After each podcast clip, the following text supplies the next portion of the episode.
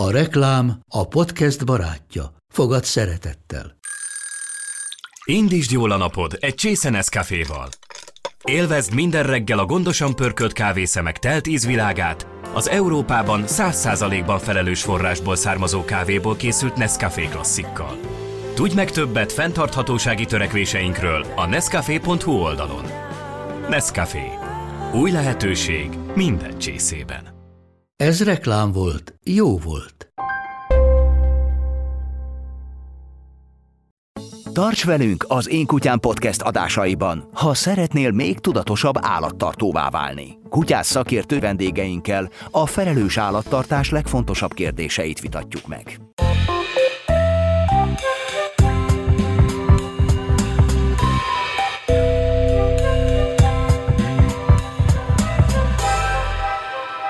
Szeretettel köszöntök mindenkit a Dogs Podcast második adásában, a harmadik évadban. A mai alkalommal a kutyatartási kultúrának egy újabb aspektusát fogjuk kitárgyalni vendégeimmel, mégpedig a menhelyek túltelítettségét, a szaporítók munkájának a, a hazai kutyatartásra vonatkozó részét, azt, hogy milyen fajták azok, akik most éppen menők és divatosak a kutyatartók körében, a szaporítók körében, mitől változik a trend, hogy mit szeretnek és mit nem, és mi lesz azokkal a kutyákkal, akikre már nem lesz felvevő kereslet, hova kerülnek majd ők.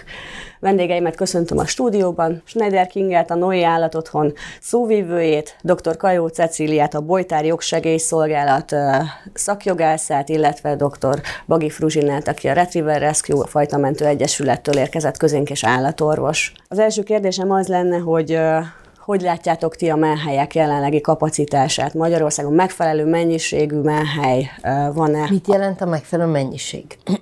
Tehát én azt gondolom, hogy rengeteg menhely van, és rengeteg menhelyi hely van, de nyilván nem tudja fölvenni azt a rengeteg bajban lévő állatot, aki keletkezik. Nyilván nem tud rendszerbe kerülni mindenki, de ez nem a menhelyeknek a hibája. Nagy kérdés, hogy még több menhelyet el tud-e látni az ország, most ezt ilyen nagyon idézőjelbe teszem, mert hogy állami finanszírozás nincsen, a támogatók, magánszemélyek, cégek azok, akik fenntartják ezeket a helyeket. Van-e még több támogató, illetve hogy akik már meglévő menhelyek, azok egyáltalán életbe tudnak-e maradni? Az előző adásunkban szóba került az, hogy nem kell minden kutyát, nem lehet minden kutyát megmenteni. Mégis az a cél nyilván, hogy, hogy lehetőség szerint senkit ne hagyjunk az utcán, de hogy közben pedig egyre több helyről érkeznek a menhelyekre, nem csak a megunt kutyákat viszik be, nem csak a, a gazdátlanul maradt kutyákat, hanem nagyon sok szaporítótól is kerülnek be tömegével kutyák. Mekkora arányban érkeznek ezek a, a, az illegális helyekről érkező kutyák a menhelyekre? Hát mondjuk a mi esetünkben, mint retriever fajta mentés, nagyon nagy számban vannak azok a kutyák, akiket szaporítóktól hozunk el, akár azért, mert volt egy kobzás, egy eljárás, egy leadás, akár közvetlen hozzánk, akár egy menhelyre, aki utána a mi segítségünket kéri, illetve nagyon gyakran olyan kutyák, akik vélhetően előtte szaporítóknál szültek kis kutyákat sorra, kerülnek utcára, és valamely állatvédő szervezet vidéken mondjuk befogja őket, és kéri a segítségünket. Tehát a mi esetünkben nagyon nagy számban vannak olyan kutyák, akiket előtte valószínűleg szaporításra használtak. Emellett alkalmanként kerülnek hozzánk olyan kölyök kutyák, vagy fiatal kutyák, akiket a szaporító valószínűleg nem tudott eladni, nem tudott értékesíteni, akár már kvázi túlkoros, mert már nem olyan kicsi cuki, hogy eladható legyen, akár van valamilyen hibája, egészségügyi problémája, vagy félősebb volt, problémásabb volt, és emiatt nem lehetett értékesíteni, és emiatt ő megszabadult tőlük. Ezek a kutyák is részben mondjuk hozzánk kerülhetnek, és utána mi keresünk, mi próbálunk nekik gazdát keresni. Nyilván ez egy rémesen rossz tendencia, hiszen ugye azáltal, hogy ő ezekkel a kutyákkal még mindig tud mit kezdeni sajnos, nem jutunk el odáig, hogy ő azt érezze, hogy a tevékenységét nem feltétlen érdemes a, fölfüggeszteni, hiszen az öreg kutyákra adunk mi egy megoldást. Viszont, hogyha mindezt nem tennénk, akkor ezeknek a kutyáknak nem lenne kilátása a jövőre. Tehát, hogy ez egy nagyon nehéz helyzet, hogyha teszünk valamit, az a jó, vagy hogyha nem teszünk valamit, akkor az a jó elméletileg szigorodott a büntetési tétele a, a szaporításnak, illetve az állatvédelmi törvény is szigorodott. Ezt egy picit jogilag, ha megtennéd, hogy tisztába teszed, Cili. Az állatvédelmi törvény nem szigorodott, ez ilyen közkeletű tévedés, meg így az újságírók szokták félreérteni, és két éve kb. erről cikkeznek nagyon sokan. A büntető törvénykönyv módosult. Szaporítással kapcsolatban ugye nem, az nem szigorodott, hanem ugye bekerült, tehát mint friss új tényállás, ugye állatkínzás tényállásába, hogy bizonyos feltételek mellett bizonyos stílusú vagy bizonyos módozatú szaporítás az büntethetővé vált, de alapvetően ugye állatokkal kereskedni, állatot adni, venni, az ugye ma sem tilalmazott, viszont ugye ha ezt állatkínzó módon tesszük, tehát olyan körülmények közt tartjuk, vagy magát a hát tenyészpárnak azért ez ugye eufemizmus, de mondjuk a szülőpárokat, ugye klasszik ez a haszonállatok után megmaradt gazdasági épületektől elkezdve bármi, ugye retekbe, szennybe tartva, illetve ugye a megszületendő almok pedig ugye olyan betegségektől terhelte jönnek világra, illetve olyan betegségeket kaphatnak meg abban a környezetben, akkor ugye ez abszolút tilalmazott, tehát hogy így állatokat előállítani idézőjelesen nem lehet, ezt a büntetőjog tiltja. De akkor, hogyha valaki végül is kultúrált körülmények között, akár egy családi háznak az egyik szobájában egy szukát és egy kant párosít, és azt aztán pénzért adja el, az akkor abszolút lehetséges szaporítási mód, Annak és nem elvileg, ugye nyilván az állatvédők nem örülnek neki, és egyáltalán a józan gondolkodású emberek nem örülnek az ilyen tevékenységnek, hisz minek, mikor már annyi kóborállat van, annyi örökbefogadható állat van, minek ragaszkodni az ilyen régi hülyeségeket, hogy mert a nőstény állatnak egyszer szülnie kell, mert a nem tudom, egyszer lásson a gyerek, nem tudom, egy felnövekvő almot, tehát hogy ezek ilyen olyan, nem tudom én, hiedelmek, vagy mit tudom én, micsodák, hogy már rég el kellett volna hagynunk, mert ugye 2023-ban ilyen dolgokhoz nem kéne már ragaszkodni, gondolkodni, tehát ezt nem szeretjük, de ez önmagában nem tilalmazott. Egy olyan kikötés van, hogy egyébként ugye, és nyilván az ilyen házi almok nem arról híresek, hogy ugye szűrővizsgálaton esnek át a szülőállatok, vagy a szülőpár, vagy tenyészpár, vagy nem tudom, minek nevezzük, hogy ugye genetikai betegségtől szenvedő állatot ugye nem lehet szaporítani, nem lehet tenyészteni, ez benne van az állatvédelmi törvényben ez minimálisan kéne egy olyan szűrővizsgálatot végezni, és nagy vidáman nekiállni ugye házi almok vagy egy házi alom gyártásának, hogy ugye teljesen jogszerű legyen. Ez nyilván irreális elvárás, hisz ugye beszélgettünk már arról többek közt, hogy több mint tíz éve kötelező ugye a transponder azonosító, szerény becslések szerint ugye a kutyák 30%-ában a mai napig nincsen, tehát akinek nincs, nem tudom, ajánlott áron 3500 forintja egy csíp behelyeztetésére, meg a hozzá kapcsolódó vizsgálatokra, ettől mondjuk jó persze picit drágább is lehet ez a ellátás, de hogy akinek erre nincs pénze, nyilván nem fogja szűrögettetni a, teny, a idézőjeles tenyész állatait, mert ugye otthon összeereszti őket, vagy esetleg már vemhesen jött haza a kijárós macska, a kijárós kutya, és ugye nézegeti és örül az egész család ennek. Igen, és hát a csíp az ugye csak 3500 forint, de az ivartalanítás az megoldhatná ezt a problémát. Vajon a, a kötelező ivartalanítás megállítaná szerintetek azt, hogy, hogy akár az ilyen kert végében otthon azért, hogy lássa a gyerek, hogy hogy születik a kiskutya, ők megszülessenek? Ez egy érdekes kérdés, ez nem csak állatvédelmi kérdés, mert ugye hogy annak dacára, hogy az állat nem dolog, ugye közkeletű tévedés, de nem az egyébként, csak a rá vonatkozó szabályokat kell alkalmazni. Tehát, hogy attól függetlenül ez egy komoly tulajdonjogi kérdés. Tehát az egy komoly tulajdonjogi beavatkozás, hogy egy ország elhatározza azt, és biztos, hogy komoly ilyen tanulmányoknak kéne alátámasztani, tehát tudnunk kéne, hogy hány kóborállat van, nyilván fogjuk tudni leszámolni az összeset az erdőben, meg mindenhol, tudnunk kéne, hogy hány állat van menhelyen gyepmesteri telepen, és erre kellene valami komoly számításokat, véletlenül se jogászoknak, mert ugye nehogy számokhoz közük legyen, tehát ehhez hozzáértő embereknek kellene ilyen, ilyen előrejelzéseket végezni, hogy a becsült szám, meg a becsült menhelyeken, gyepmesteri telepeken levő egyáltalán mi az az életút, amit ők bejárhatnak, mennyire lehet őket örökbe adni, milyen időre, és akkor kéne egy ilyen, nem tudom, vonalat húzni, hogy eddig mondjuk tökéletesen kötelező zivartalanítás mindenkire, aki nem tenyésztőként komolyan hivatásszerűen, nem tudom mi, milyen szempontok szerint ö, hoz létre új almokat, mindenki másnak tilos. Mert ugye, hogy nehogy esetleg egyébként úgy járjunk, hogy mondjuk Ausztrália, vagy más ilyen híres hírhet nemzetek, hogy ugye kóbormacskák tömegei gyilkolják az élővilágot, vagy ugye mit tudom, Romániában is ugye a kóbor, kóborkutya kérdés azért egy elég komoly dolog, és ugye nehogy odáig jussunk el, mint más ilyen, ilyen, ilyen, ilyen nemzetek, hogy ugye nem tudom, kezdeni osztogatni ilyen nem tudom, fejpénzeket, hogy ki tud mondjuk több kutyát vagy macskát kilőni. Elnézést, de itt vagyunk. szóval már egyrésztről például az őshonos vadmacska az totál veszélyben van a házi macska hibridizáció miatt. Nagyon sok védett kisemlős, hüllő, énekesmadár veszélyben van a, a házi macska populáció miatt. Azon túl pedig igen, már megjelentek a fejpénzes posztok, ahol kapába, kaszába hívják a falu apraja nagyját a kóbor kutyafalkák likvidálására. Szóval, hogy megérkeztünk, és és bizony én dolgozom együtt olyan embervédő szervezetekkel, ahol konkrétan azért akad el a munka sok esetben, mert a gyerekek a kóborállatoktól, a kóborkutyáktól nem jutnak el az iskolába.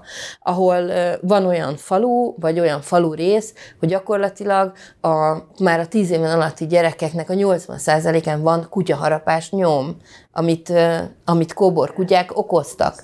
Tehát, hogy kicsit szemellenzően ülünk itt Budapesten és Budapest környékén, miközben az ország nagyon nagy részében már ez elképesztően probléma.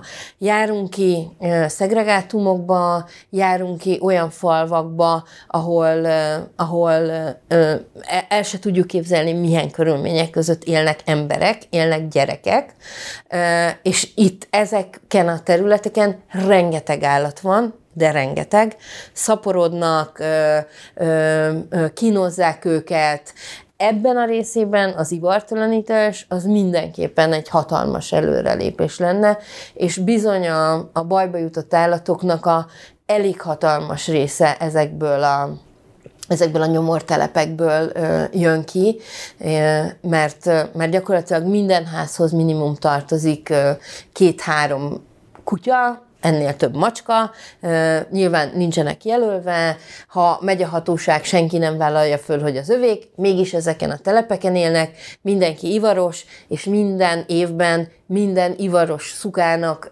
születik két alma minimum, almonként jó esetben csak két-három, rossz esetben akár tíz kölyökkel is. Nyilván töredéke éli meg a, akár csak a kölyökkor végét, sajnos ezeknek az állatoknak, de azért mindig megéli, tehát hogy mindig nő és nő és nő és nő ez a létszám, tehát hogy én azt gondolom, hogy amúgy van olyan szegmens, ahol tényleg szembecsukva azt kell, hogy mondani, hogy nincs más megoldás, csak az ivartalanítás.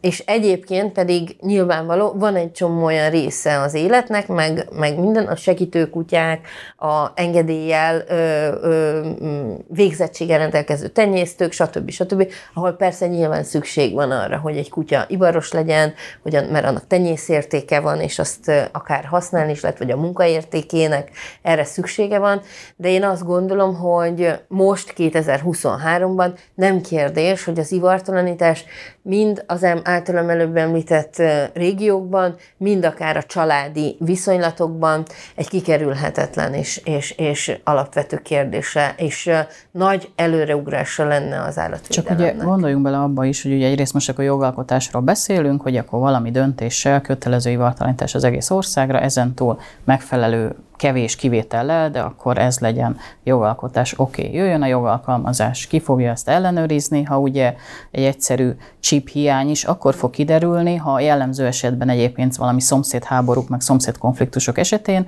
egyik a másikát följelenti, ráfogja, hogy állatkínzó, rosszul tartja az állatát, mert hogy egyébként az állatvédelmi ügyek 80%-a ilyen, a maradék 20%-a komoly, tényleg tartási hiba, hiányosságból eredő dolog. Egyébként emberek utálják egymást is az állataikon keresztül, és már rengeteg más módon bántják egymást, és ott derül ki, hogy nincsen chip. Adott eljárásban van egy önmagában, erre senkinek nincs kapacitása járogatni a településeket, ahogy ugye az ebösszeírás is önkéntes bevalláson alapul, holott maga a szóból is jönne az ebösszeírás, ez nem azt jelenti, hogy ülök és várom benne a bevallási lapokat, hanem végigjárok, talán két-három település volt az országban, ahol ezt megcsinálták, végigjárok ingatlanról ingatlanra, és megnézem, hogy van-e ott kutya. Tehát, hogyha azt mondjuk, hogy egy döntéssel vagy fokozatos lépcsőfokokkal bevezetnénk a kötelező hivatlanítást, az ki fogja ellenőrizni, ki fogja annak a költséget megteremteni, hogy zajlik az egész. Hát ellenőrzés szempontjából talán, mint állatorvos, Fruzsi, te Az a probléma nem, hogy hozzátéve ehhez az egészhez, hogy Mondjuk egy szolgáltató állatorvos az ugye nem hatóság, az nem ellenőrizi ilyet. Én legfeljebb azt mondhatom, hogy én nem látok el egy csipezetlen kutyát. Tehát, hogyha bejön egy olyan kutya, aki már több mint négy hónapos, akkor azt mondom, hogy ezt a kutyát vagy becsipezzük, vagy ott van az ajtó, ki lehet menni, és lesz, ami lesz. Meglepő dolgok vannak, amikor az ember állatorvosként áll egy rendelőben, egy asztal mögött, és így jönnek szembe a különböző esetek. Mondjuk állatvédő szervezettől veszettségoltás nélkül örökbeadott kutya, aki három éve él a gazdájánál, és három évig nem volt beoltva veszettség ellen. Pedig hát ugye az is kötelező. Igen, hát azért beszélek pont erről, azóta be van oltva, mert beoltottam, de egész eddig ez mondjuk megtörtént. És ki lett így adva a kutya, tartották így a kutyát, azóta volt evőszeírás a településünkön, mégis megtörtént ez. Rengeteg olyan kutyafajta van, amit a szaporítók kedv, nagy kedvel tenyésztenek, mert hogy arra van kereslet. Mik ezek? Tudtok-e ilyet mondani, hogy most mi a divatos mm. kutyafajta? Hát éppen, éppen megy ki a divatból a buldog, abszolút, és elképesztően jön föl az uszkár, és a gyémánt a korgi, de én elképedve állok egyébként, hogy a nagy pásztor és juhász kutyák is mekkora divatba jöttek, közép-ázsiai juhász, kaukázusi és egyebek városi környezetben, nem beszélve mondjuk a kis terelő kutyákról, kifejezetten a Moody, tele van Moody-val a város, rengeteg a probléma is ezzel kapcsolatban. Úgyhogy most igazából én azt tapasztalom, hogy legyen minél nagyobb, vagy legyen minél kisebb, de ez az egyik, a másik pedig, hogy mindenféle hát olyan keverékek hódítanak teret, aminek egyébként semmi tudományos alapja nincsen. Ugye most nagyon, nagy, nagyon sokan szenvednek az allergiától, és hát ugye az a az a híre az uszkárnak, hogy az uszkár szőre antiallergén. Valóban egyébként az uszkár szőre kevesebben allergizálnak, de azért nem antiallergén, és ebből adódóan szegény uszkárok lettek azok, a, azok az alapkutyák, akiket aztán a világon mindenfélével összekevernek. Ugye volt a labradoodle kezdődött szerintem, hogy az uszkár és a labrador keverék, hihetetlen mennyiségben találkozunk velük. És gazdára is találnak ezek a kutyák, vagy bekerülnek a rendszerbe? Lényegében itt azok a minőségi kutyák, akikből minőségi hibrideket lehetne létrehozni, az ugyanúgy egy tenyésztési tudást igényelne. Azért az a nagyértékű minőségi fajta tiszta kutya, ami mondjuk tenyésztésre alkalmas, abból nem fognak keveréket csinálni csinálni. Tehát, hogy arra a fajta tenyésztők figyelnek, hogy az ne keveréknek legyen a anyukája vagy apukája. Innentől kezdve ezek a kutyák ugyanúgy szaporított kutyák, egy labradornak kinéző kutyát kevernek egy uszkárnak kinéző kutyával. És ebből a legszélesebb körű típusú keverékek, hibridek jönnek létre. Van, amelyik szákásszőrű, van, amelyik puhaszőrű, van, amelyik derékigér, van, amelyik térdigér, tehát ez nem egy egységes fajta, de még nem is egy egységes hibrid. Van, amelyik gazdához kerül, van, ahol több százezer forintért árulják ezeket a kutyákat, és aztán van olyan, hogy ezek nem kerülnek gazdához, fajtához, hiszen keverékek. Tehát ne hozzánk, mint retriever fajtamentéshez, leginkább a jó szívem miatt rengeteg Labradudli került az elmúlt egy-két évben, köztük mondjuk egy 11 fős teljes alom, de volt olyan, aki törzskönyvezett anyukától származó, fekete szákásszörűs, nócernek kinéző labradudli volt. Ezek a kutyák nem tűnnek sokkal jobbnak, mint mondjuk a labradorok. Én nem gondolom, hogy jobbak lennének. És antiallergének? Aki... Hipoallergének nem esetleg? Hiszem. Vagy ez... én, én azt gondolom, hogy nem hiszem. Tehát, hogy ez nem csak attól függ, hogy egy kutya vedlik-e vagy sem, hanem a kutyának a bőrképleteitől is, ami nyilván rajta van a bőrén, meg adott esetben a kutyának mondjuk a bakteriális vagy gombás háztartásától. De nem csak a szőre allergiás egy ember, hanem adott esetben ezekre a egyéb más szimbióta vagy kórokozó baktériumokra, amik ott vannak a kutyán, ami tök természetes, ellenben egy embernek, aki érzékeny rá, minden további nélkül okozhatnak problémát. Tehát nem gondolom, hogy ha valaki, aki nagyon allergiás, befogad egy ilyen típusú kutyát, azzal az ő problémái azok nem fognak mondjuk föllángolni. És akkor és megint csak helyre kerül az a kutya, mert hát, nem tud vele együtt élni esetleg a gazda. Igen, vagy visszaadja oda, ahonnan előkereste magának, vagy, mm. vagy bármi ilyesmi. Azért a szaporítókra nem annyira jellemző, hogy a beteg kutyákat visszavennék, hát, nem? Nyilván, Tehát, hogy ez igen. nem olyan Tehát, csereszabatos dolog, mint... Legtöbb esetben soha többet el sem érhető a szaporító. Tehát, hogy mondjuk a, a magyar piacra árult szaporított kutyák azért azok olyan fonákkal men, jutnak el a gazdihoz, hogy nagyon sok esetben soha többet nem tudnak vele kontaktálni, de érdemben biztos nem tudnak kontaktálni, illetve mikor már leesik a családnak az, hogy ő egy szaporító kezei közül vett egy kutyát, akkor meg valószínűleg sok esetben a családnak nincsen szíve ezekre a telepekre visszaküldeni. Hát mindenképpen a szaporító nyer, tehát hogy így azt gondolom, hogy ez, ez teljesen egyértelmű, de hogy ilyen, tehát hogy az a probléma, és azt kell látni, hogy az, hogy egy fajta kialakuljon. Ez egy nagyon-nagyon komoly tenyésztési vonal, követés, az nem csak küllemében, vézenében, tehát természetében is, a terhelt betegségek, stb. stb. mindenre át, áttekintve alakulnak ki nem két év alatt, meg nem egy év alatt, évtizedekről, évtizedekről beszélünk, sőt, év, tehát száz évekről beszélünk, amik, amik alatt egy-egy fajta föl tudja végül venni mind genotípusában, mind fenotípusában azt, ami, amit ma német juhásznak ismerünk, boxernek ismerünk, labradornak ismerünk, uszkárnak ismerünk, vagy bármi azt feltételezni, hogyha két ilyen kutyát én összepárosítok, abból egészen biztosan a fajtán, a két adott fajtának csak a pozitív tulajdonságai mind különben, mind viselkedésben fognak előjönni, az, ez mérhetetlen hát, hát, hát ez mérhetetlen De hogy mutasság, egyébként igen. mérhetetlen mutasság attól, aki ezeket összerakja, meg aki megveszi. Tehát, hogy ugye nagyon hajlamosak vagyunk mindig másokat szídni, meg kritizálni, mindig másban van a hiba. De ki az a mérhetetlenül buta ember, aki ilyen kutyákat vesz?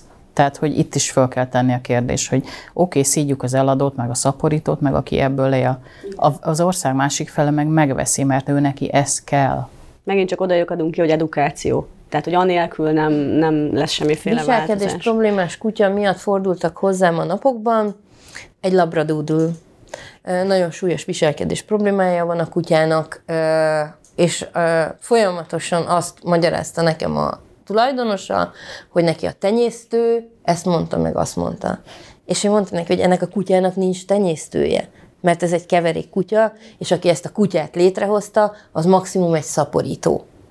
Tehát, hogy nagyon-nagyon el vagyunk tévedve, de nem magyar sajátosság ez, tehát nyilván ez nem Magyarországon találódott ki, csak minden jó dolog, az azért nagyon könnyen besúrran ide hozzánk, és, és problémát jelent. De egyébként nem csak a hibrid fajtákkal van probléma, meg a hibrid kutyákkal van probléma, hanem, hanem, hanem fajta tiszta, vagy fajta tiszta jellegű kutyákat is mindenféle extra méretben, extra színben most már szaporítanak, és hát azért jól belátható, hogy mondjuk egy buldog, aki egy valós méretben is egy élhetetlen életet él, az mondjuk egy teacup méretben, ami az extra minit jelenti, egy ekkora méretben vajon milyen életet tud élni. Magyarország az egy kicsit a szaporítóknak, a kánaányának tűnik. Ez lehet azért, mert hogy itt az embereknek abszolút nincsenek ismereteik azzal kapcsolatban, hogy melyik kutya milyen formában, milyen tenyésztési állomásokon keresztül menve lesz valóban olyan, mint amit elképzel magának, vagy egyszerűen a törvényi szabályozás olyan, hogy itt megtehetik azt, hogy, hogy biztonsággal szaporítják a kutyákat. Ez nyilván egy komplex dolog, ez borzasztó könnyű ebből megélni. Ezt éveken, évtizedeken át hagyták embereknek, idézőjelesen hagyták. Nekik nincs más kiútjuk, tehát most nem azért félrejtés ne essék, nem sajnálom őket, nem nagyon érdekel az ő sorsuk, akik állatkínzásból élnek meg, de az egy realitás, hogyha azt mondjuk, hogy fejezzétek be, és akkor holnap kipucoljuk az egész országot, és holnaptól ti nem ebből fogtok megélni, miből fognak megélni? Nincs településfejlesztés, nincs, nincs egy reális alternatíva, hogy ebből már ne éljetek meg, éljetek meg másból. És mondom, ebből baromi jó dolog megélni, mert évek, évtizedek óta ez megy, ez ilyen kialakult bűnszervezetek, megfelelő bűnszervezet, megfelelő lépcsőfokokkal,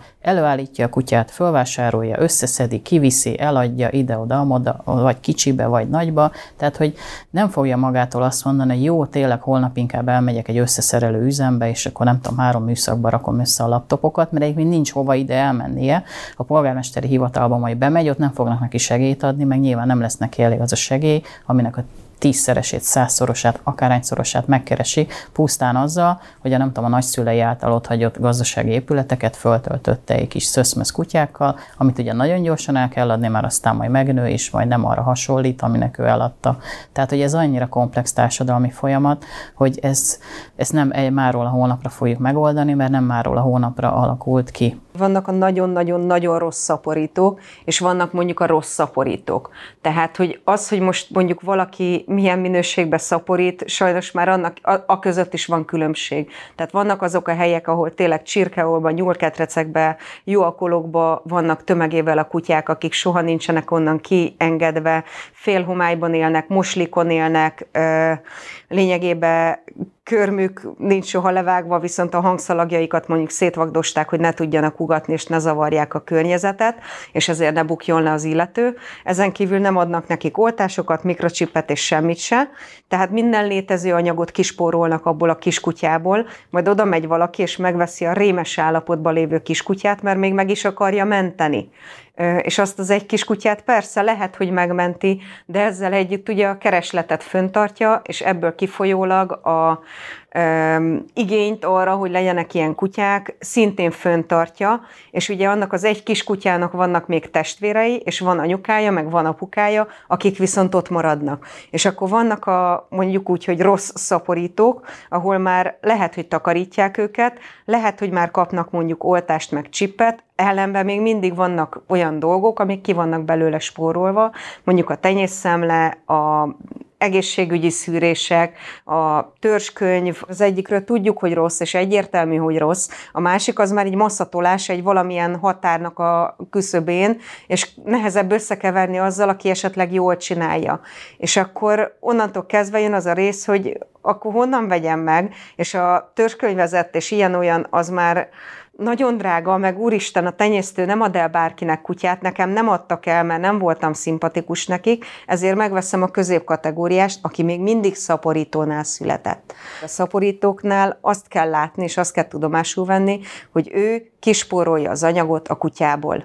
Tehát mondjuk ez olyan, mint hogyha megvennénk egy autót fék nélkül, vagy lámpák nélkül. Autót se veszünk fék, meg lámpák, meg forgalmi engedély nélkül. Erről az jutott az eszembe, hogy amikor van egy ilyen telefelszámolás, és ugye ez nagy összefogást igényel, tehát 10-12, akár még több állatvédő szervezet ugye szétosztja maga közt a mentendő kutyákat, és ugye jönnek a posztok, hogy és megmutatják ugye, hogy honnan, milyen körülmények között, milyen kezdőállapotból, akkor vannak ilyen előtte-utána képek, stb.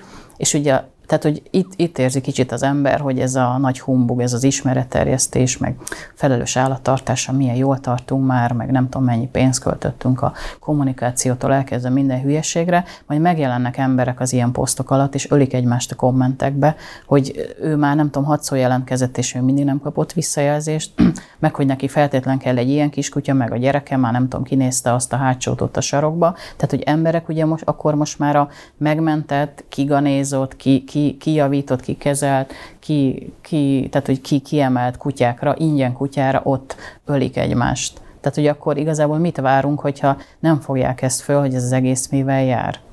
És ugye mit gondol, hogy egy ilyen kutya, amit ugye időlegesen ugye kikezeltek, meg, meg kijavítottak csúnya szóval, hogy az, az tehát, hogy vállalja 10-15 évre, hogy ezzel nem lesz probléma, arra nem kell költeni. Tehát, hogy ilyen handicappel induló kutyák esetében mire számít. De ugye ott ölik egymás az emberek, mert ingyen divat kiskutya, ami valamire hasonlít, neki ez kell. Kicsit a szaporítóknak a munkáját erősíti, vagy igen, tehát hogy az ember úgy, igen, az ember úgy érzi, nézi, tehát mint nem tudom, nem is ebbe az országban élne, ahol nem tudom, nap mint nap elmondja, hogy milyennek a következménye, mit, mit, tehát hogy ne, nem azt látják az ilyen publikálásokból, az ilyen posztokból, amit kéne látniuk, hanem csak azt látják, hogy most már ingyen juthat olyan kiskutyához, amit valaki helyette kimentett, kivett, gyógykezelt, rehabilitált, és hogy bele se gondol, hogy mit vesz ezzel a nyakába. Van egyébként olyan ország itt a környékünkön, ahol működik az, hogy, hogy ne tudjanak a szaporítók dolgozni? Hát gyakorlatilag tőlünk nyugatra minden ország ilyen. De oda meg innen kerülnek az állatok. Tehát, hogy ott is van Így van, tehát, hogy ott is van probléma, de azért azt tapasztaljuk, hogy egyébként tipikusan Hollandiából, Belgiumból, Németországból, Ausztriából ide telepszenek át a szaporítók, itt ö, folytatják áldásos tevékenységüket, megtagozódnak a magyar rendszerbe, és kerülnek bele itt abba a, abba a körforgásba, amit Cili előbb említett, mert hogy ez egy teljesen kidolgozott iparág, egy bűnszervezet, nem, nincs más Európa jó. méretű, Né, ezek tehát egy szerint. Európa mé- sőt, sőt ö, tudunk már ö, technikákat arról, hogy hogyan tud a kontinensen kívülre is kijutni egy-egy ilyen ö, kutya. És mi lehet erre a megoldás vajon? Szigorúbb törvények, a törvények betartatása? Nem, nem kell, ezt felejtsük el, nem kellenek új törvények, nem kellenek új jogszabályok. Szerintem, ami van nagyon jó, azokat hozzáértő emberek alkalmazzák az ország területén, nyilván megfelelő hozzáállással. Tehát aki nem tetszik neki ez a munka, nem szereti ezt, az nem tudom, menjen el más dolgozni, tehát hogy nem, nem kellenek felkészületlen, unott, nem tudom, állatok iránt nem empatikus emberek, tehát jogszabály biztos, hogy nem kell, a másik meg, hogy ez egy komplex dolog, tehát hogy azt ne várja senki, hogy hétfőről kedre megoldás lesz. Triviális példa, hogy nem tudom, a város egyik területén felszereljük és telirakjuk köztéri kamerákkal, a bűnözők átmennek arra a részére, ahol nincsenek kamerák. Tehát akkor lehet, hogy az egész bűnszervezet kitalál valami mást, és más, mondjuk például átlovagol, nem tudom, a kutyákról, ha ezt már nagyon szigorúan veszik, mondjuk az egzotikus állatokra, ami már egyébként ma a tendencia, tehát hogy nagyon jó üzlet. Pókozni, gekkózni, hüllőzni, nem tudom mit csinálni, papagájozni, az rohadt nagy üzlet, és akkor ugye ugye át, az egész bűnszervezet ugye áttelepül valami másra. Tehát, hogy ez egy ilyen nagyon komplex hozzáállást igényel. A jogszabályi háttér adott, de a, hozzá kell épülni a, a társadalmi háttérnek és a, a megoldási javaslatoknak. De a másik része meg az, hogy lényegében, hogyha most a jogszabályi háttér adott, az eljárások mondjuk optimálisan, meg jól le tudnak zajlani, tételezzük föl, hogy így van, még akkor is ott van az a folyamat, hogy oké, okay, rendben, mondjuk elhoztuk a kutyákat hova tesszük ezeket a kutyákat. Tehát, hogy mondjuk állami menhelyek, telepek, telephelyek nincsenek arra, hogy mondjuk több száz kutyát, vagy több tucat kutyát rossz körülmények közül kiemeljünk, és azok megfelelő ellátást kapjanak bárhol is. Pontosan tudomásunk van róla, hogy ki van adva bizonyos területeken a rendőröknek, hogyha olyan ügy lenne, olyan állatkínzásos ügy lenne, ami költséget generál, akkor azt azt ott el kell kaszálni azt az ügyet, az, abból ki kell surranni, ki kell uh, jönni belőle, mert egyszerűen nincs uh, fedezetük arra, hogy finanszírozzák ezt a dolgot. Nagyon kevés az az ügy, ahol például azok az állatvédő szervezetek, akik vállalnak ezekből az állatokból, bármilyen részleges segítséget vagy finanszírozást kapnak ezekből az ügyekből. Holott egyébként ez bűnügyi költség és, és egyéb, egyéb... Tehát ezért szabályosan úgy néznek ki, hogy van egy eljárás, amiben az állam vállalja ezeket a költségeket. Nem az állatvédő szervezetek, nem azok, akik nekik adományokat gyűjt, vagy küldenek, hanem az állam, mert ugye, hogy ő alkotta meg ezeket a szabályokat, így kell felelősségre vonni azokat, akik állatkínzó, stb. stb. És ugye az ember a hétköznapokban szembesül ezzel, hogy a praktikák ugye, hogy rögtön lemondatják a, az állatkínzással gyanúsítható személyt, és ugye rögtön rákerül az állatvédő szervezet nevére. És akkor hát a tied, vigyed, gondoskodj róla sok szeretettel, majd néha küld a korlapot, mert ez nekünk fontos bizonyíték, de egyébként bűnügyi, a bűnügyi költség képét, részét képező tartási költségeket már ne kér, miért kérnéd, a tied nem, lemondtak a te javadra, a te tulajdonod. Vagy a másik, ami ugye nagyon fontos, hogy az állatkínzások jó része az, az ilyen eljárásokban, tehát nem, nem, ott nem jogszabályokat kell elemezni, ott nagyon fontos a szakértők véleménye, hogy mi vezetett oda, hogy, vagy ez az eljárás, a bánásmóda, elhanyagolása, mit tudom én, micsoda, az alkalmas volt-e arra, hogy tényleg azt mondjuk, hogy ez egy állatkínzás. Tehát ott nagyon fontos a szakértők véleménye. Nincs egyszerűen egy, egy kultúrát, normális, szabályosan lefolytatható eljárásra az a forrás, amit ő rá tudna fordítani. Szeretném megköszönni a beszélgetés résztvevőinek, Schneider Kingának, a Noétól, dr. Kajó Cecíliának a Bojtár Egyesülettől, és Bagi Fruzsina doktornőnek a Retriever Rescue-tól, hogy velünk tartott ma. Hamarosan újra találkozunk, október 28-án a DOCS konferencián várunk szeretettel mindenkit élőben, és szerintem a vendégeimmel is találkozhattok ott, illetve az biztos, hogy van, akik, akinek az előadását is meghallgathatjátok. Köszönöm a figyelmet, minden jót kívánok! Hogy ne maradj le az új részekről, iratkozz fel a csatornánkra. Az Én Kutyám, a Felelős Kutyagazdik portálja. A műsor a Béton partnere.